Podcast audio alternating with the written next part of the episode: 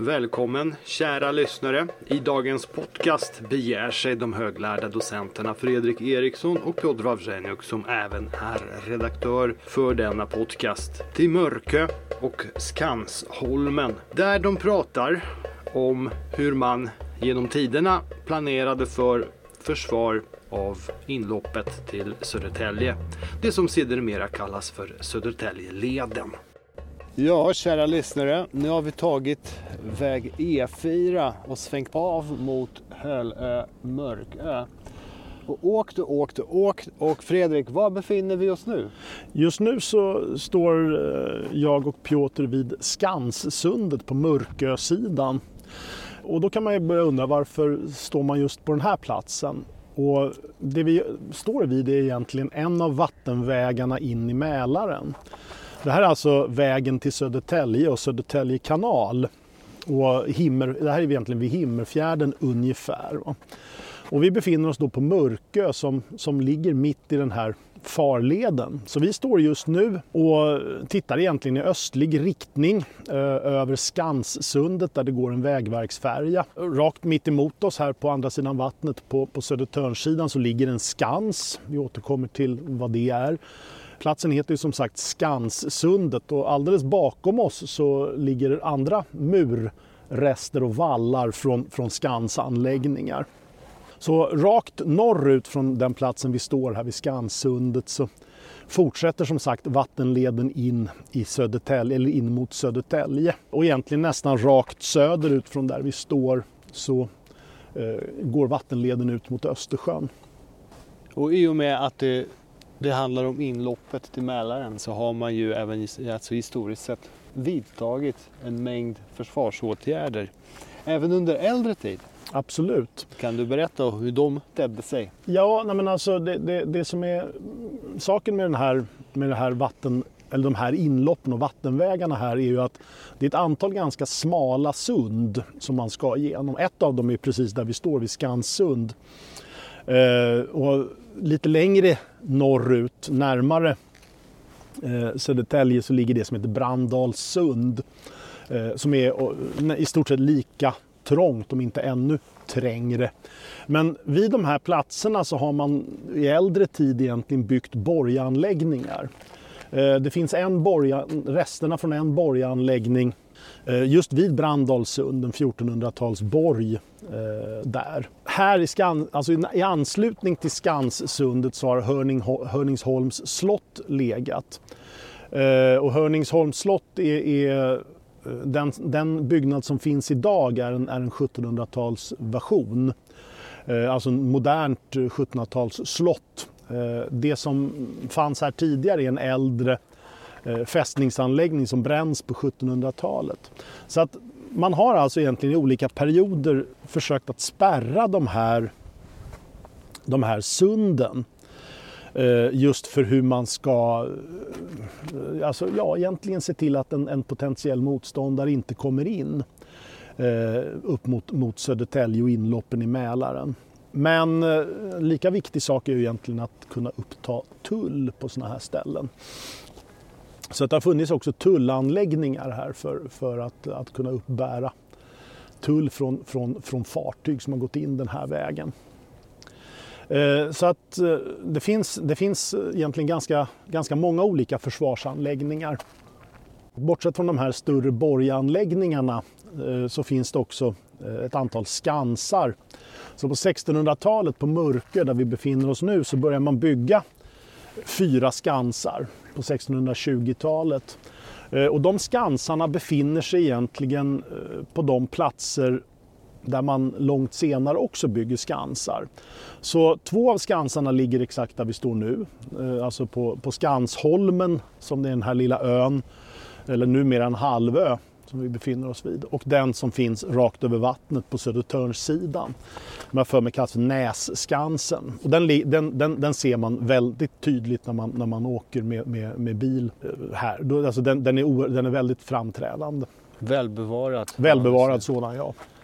Eh, sen finns det ytterligare två skansar på andra sidan Mörkö. Så när vi kom hit så stannade vi till vid, vid Pålsundet Eh, och tittade egentligen på där bron går över. För att där har det funnits skansar också från 1600-talet och egentligen fram till, till 1700-talet.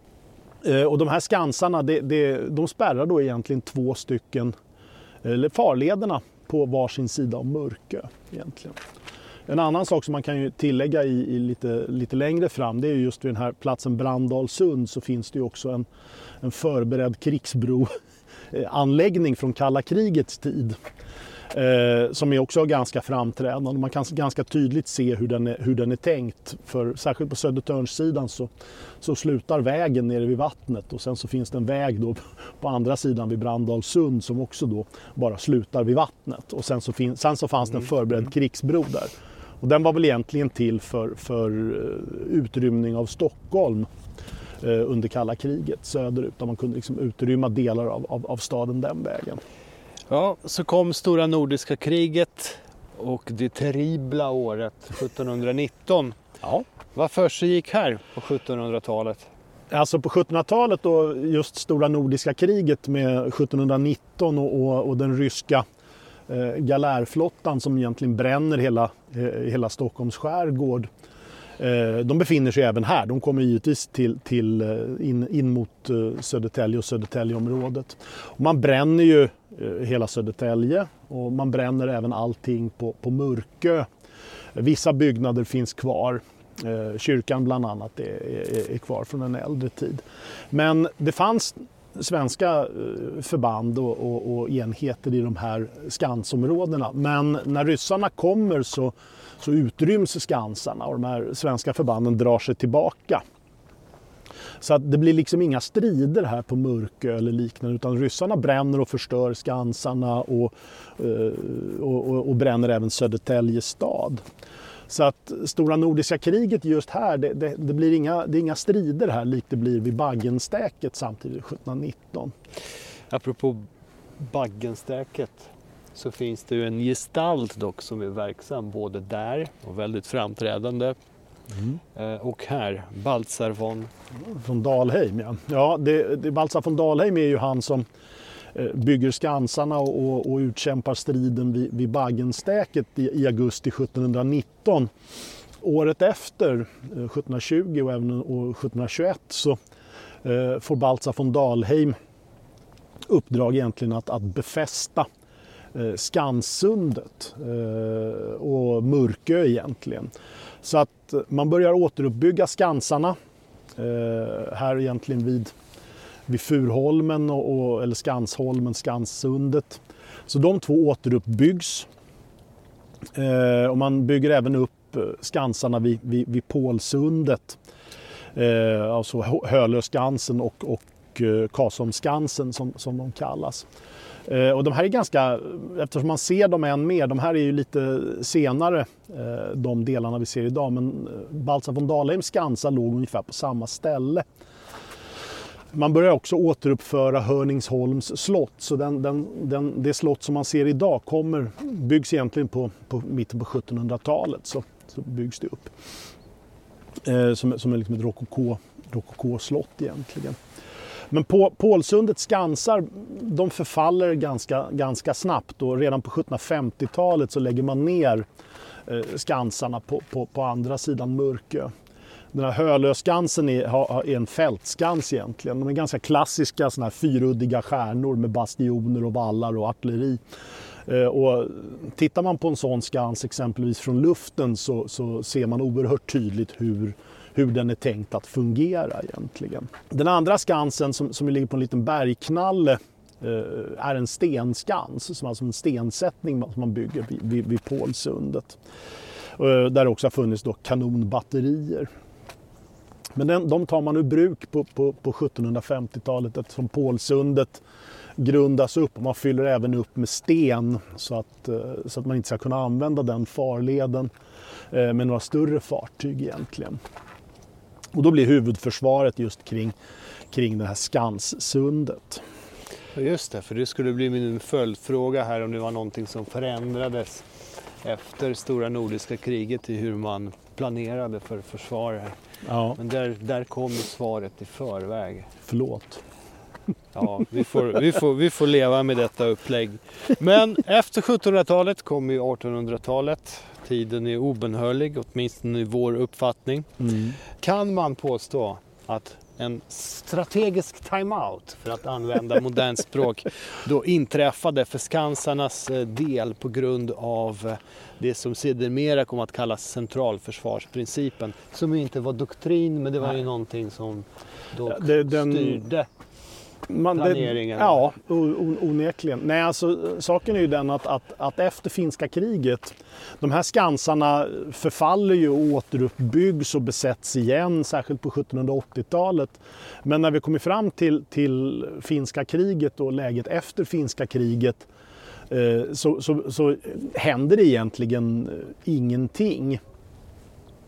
Det finns en stor defensionskommission egentligen på, på eh, 1819-1820 där man då går igenom rikets befästningar och beslutar vilka man ska återuppbygga eller, eller bevara egentligen. Eh, och de här befästningarna vid Skansundet eh, låter man egentligen förfalla och man återuppbygger dem heller inte under 1800-talet förrän egentligen vi kommer fram till på 1870-talet, alltså efter 1800 eh, efter mitten på 1800-talet. Och det hänger ju också ihop med det här när man bygger ut eh, befästningarna kring Vaxholm med Oskar Fredriksborg och liknande. Då, då gör man också eh, på 1870-talet ritningar på kanonbatterier just här vid, vid, vid Skansundet. Och då i stort sett på samma platser Eh, som man har, som man har gjort det tidigare. Så man börjar bygga upp liksom Skansholmens vallar och bastioner. Och de ligger i stort sett på samma platser. Va? Några år senare så gör man också den första mineringen här vid, vid, vid Skansundet. Där man lägger ut minlinjerna eh, som man kommer fortsätta med längre fram. Och också ha eh, alltså miner, för miner är ju liksom huvud, huvudförsvaret på sådana här platser. Eh, bottenminor och liknande. I Sverige så finns det någonting som heter, alltså innan kustartilleriet bildas så finns det någonting som heter, heter liksom fasta minförsvaret. Som är, som är en egen myndighet som, som just eh, hanterar mineringarna. Så att de första minerna här, på den här platsen, kom på 1880-talet. Och när vi kommer fram lite längre fram på 1890-talet så gör man lite mer omfattande mineringsplaner för de här platserna. Så man kan ju säga att utvecklingen här följer den övriga utvecklingen Ja, ja, i regionen absolut. och riket i stort med utbyggnad av kustförankrat Ja. artilleri kombinerat med nymodigheter Ja. som mineringar. Ja. Eh, absolut så. Det, det här ligger precis i, i linje. De befästningar som görs här är ju ganska eh, modesta egentligen i jämförelse med andra eh, delar av, av, av kustartilleriets utbyggnad egentligen. Kustartilleriet bildas ju egentligen 1902. Det, det har vi ju talat om vid, vid andra tillfällen. Men, men eh, om vi tittar just här på, på, på den här platsen. Så det som kommer det, det är ju det att när kustartilleriet bildas så talar man ju om, då inför man egentligen fästningsbegreppet då, som organisation. Va? Så att Vaxholm har, det är Vaxholms fästning och det har hand om då hela Stockholmsområdet och Karlskrona fästning har hand om det. Och det där fästningsbegreppet försvinner först på 1940-talet. Eh, men man har fästningar och så har man positioner som man kallar dem. Och 1902 så blir det här eh, Skanssundets kustposition. Där man då organiserar ett, ett försvar. Som graden lägre än Ja, precis. Det är, det är ingen fästning egentligen utan det är, det är en position då som är någonstans befäst. 1902, det som finns i organisationsplanerna här, är egentligen två stycken bat- ja, eller det är egentligen, Man börjar med ett batteri och sen så ersätter man det med, med, med en annan typ av pjäser. Men, men det som finns här är, är också svenska, svenska kustartilleriets, eller ja, egentligen krigsmaktens eh, Eh, senaste, jag vill inte säga sista för det vet man aldrig, men senaste framladdningskanoner. Alltså det är 12 cm kanoner av, en modell som kallas 1873, men det är de sista eller senaste beroende på. Eh, pjäserna av den typen. Och som då står befäl under en kapten Amundsson som är, är chef för kustpositionen just på den här platsen. Och lite senare så byter man ut de här mot modernare Kruppkanoner. Eh, egentligen 8,4 cm pjäser av, av, eh, av Krupp-produktion. Eh, man har även ett antal äldre kanonbåtar eh, som ska tjänstgöra vid den här platsen. Mineringen är ju den absolut viktigaste. Det är mineringen som är, är det centrala här egentligen. Men i det här så finns också ett, ett infanterikompani som Eh, som, som ska försvara eh, kustartilleripjäserna i det här fallet. Men de här pjäserna, de här 12 cm pjäserna och de här 8 cm pjäserna är inte, de är inte inbyggda i värn. Det är inga tornpjäser utan det, det, är klassiska pjäser, egentligen rörliga kustartilleripjäser som man bygger vallar runt omkring. Och det är faktiskt de vallarna som vi ser idag. Det, det är det vi ser, alltså 1800, sena 1800-talets konstruktioner och 1900-talets för den delen. Och det här, det här är ju egentligen läget under, under hela eh, första världskriget. Så att nästa eh, viktiga punkt kan man säga, det är 1914 års befästningsplan eh, för riket. För man, gör, alltså, man, gör, man gör ett antal sådana här olika befästningsplaner. 1914 så gör man en. Och då börjar man fundera kring kanske man ska ha starkare eller tyngre batterier här med det som är, brukar kallas för medelsvårt eller svårt artilleri för att hindra då fientliga sjöstridskrafters eh, inträngande i, i, eh, i Himmerfjärden. Eh, en sak som man också diskuterar samtidigt det är ju, ska det här möjligen vara en plats där man kan förlägga flottan, den egna flottan, som man bygger ut ungefär samtidigt. Så att man vill ha det här som en potentiell flottbas egentligen. Men en viktig sak som också finns med de här kustartilleripositionerna och det som eh, finns kanske just här det är att eh, man skyddar även den eh, stambanan söderut, järnvägarna över Södertälje som är en minst lika viktig sak. Så när man bygger järnvägarna så måste man också bygga egentligen kustförsvar för att skydda platser där, där järnvägen går nära. Ett objekt att skydda. Ja men precis så. Och ni känner ju alla till liksom in, Inlandsbanan som byggs långt in i landet för att man ska kunna ha en järnvägsförbindelse norrut i Sverige som inte hotas egentligen då av, av, av, av kustinvasioner på det sättet.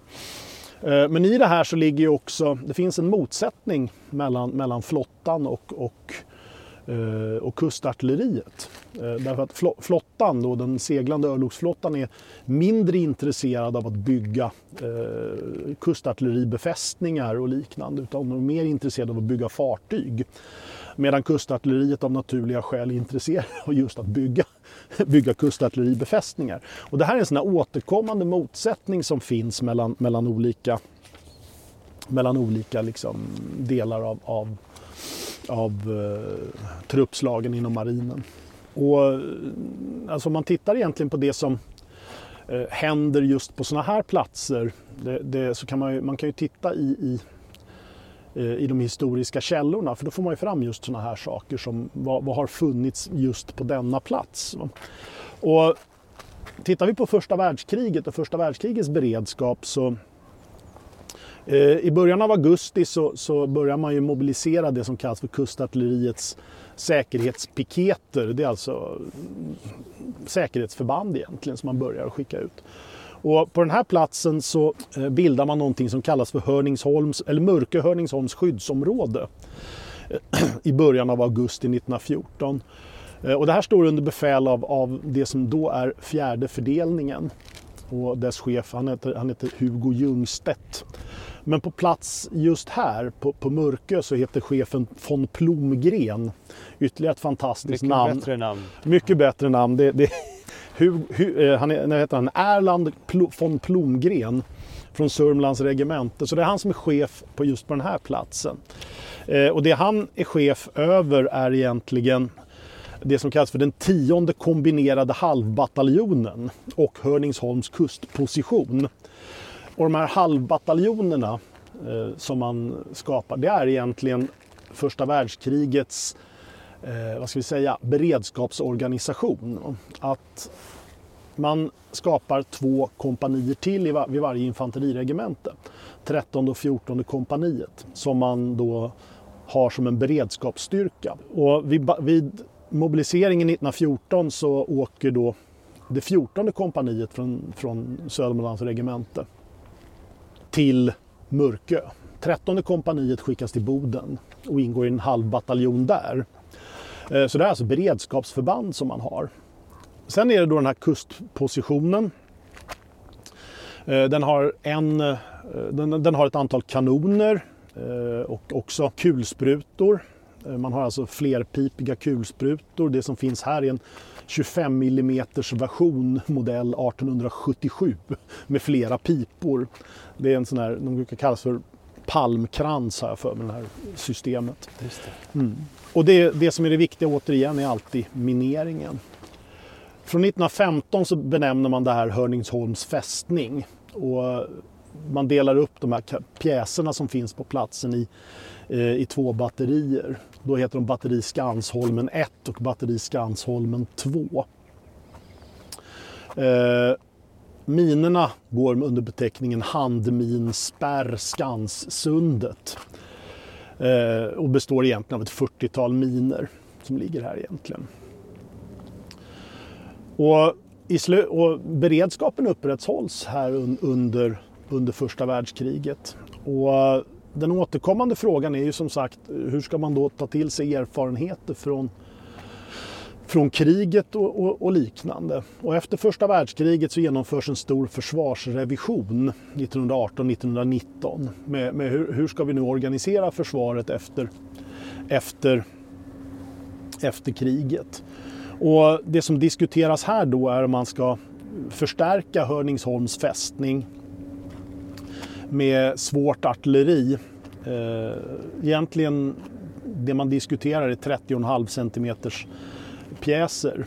Eh, kusthaubits modell 16 som är de grövsta pjäserna som vi har haft i, i, i, svensk, eh, i den svenska arsenalen. Och de här 30,5 cm pjäserna, några av dem sätts ju, finns ju på Värmdö, byggs på, på, på 20-talet. Eh, batteri Torsberg. Det finns också ett batteri i, eh, i Karlskrona. Men samtidigt så diskuterar man ska, man, ska man göra så att vi sätter de här på järnväg istället och har det som järnvägsartilleri och flytt, alltså rörligt järnvägsartilleri 30,5 cm. Det är en diskussion som förs på flera platser om man ska ha det i Göteborg eller Karlskrona och liknande. Det blir ingenting av det här. Och efter 1925 i års försvarsbeslut så lägger man ner Hörningsholm som, som kustfästning. Eller egentligen då befästning överhuvudtaget. Så 1927, i den 1927 års allmänna försvarsplan så läggs det här ner. Eh, och befästningar flyttar egentligen längre ut från, från eh, den här platsen som vi står vid just nu. Vilket är ju en tendens under mellankrigstiden. Ja, Utifrån precis. de bedömningar man gör och teknologisk mm. utveckling som mm. sker. Mm. Men om detta kommer vi att prata i en annan podcast. Precis så. Som kommer senare mm. i vår. Mm. Och nu åker Karin här mot oss. Tror du att vi hinner med Karin? Nej, jag tror inte vi hinner med Karin faktiskt. Får se vad som uh, dyker upp. Karin är alltså vägverksfärjan över här. Jag kan avslöja att vi och vårt fordon hann borda Karin och så fördes vi över till Botkyrkasidan där våra äventyr fortsatte. Och med dessa podcaster om kustartilleriets historia kommer vi att återkomma senare i vår och i sommar. Men innan dess kommer ni att drabbas av podcaster på helt andra ämnen och tidigast så i mitten av februari. Tills dess får ni väl glädjas över det som finns. Are you? Oh, yeah.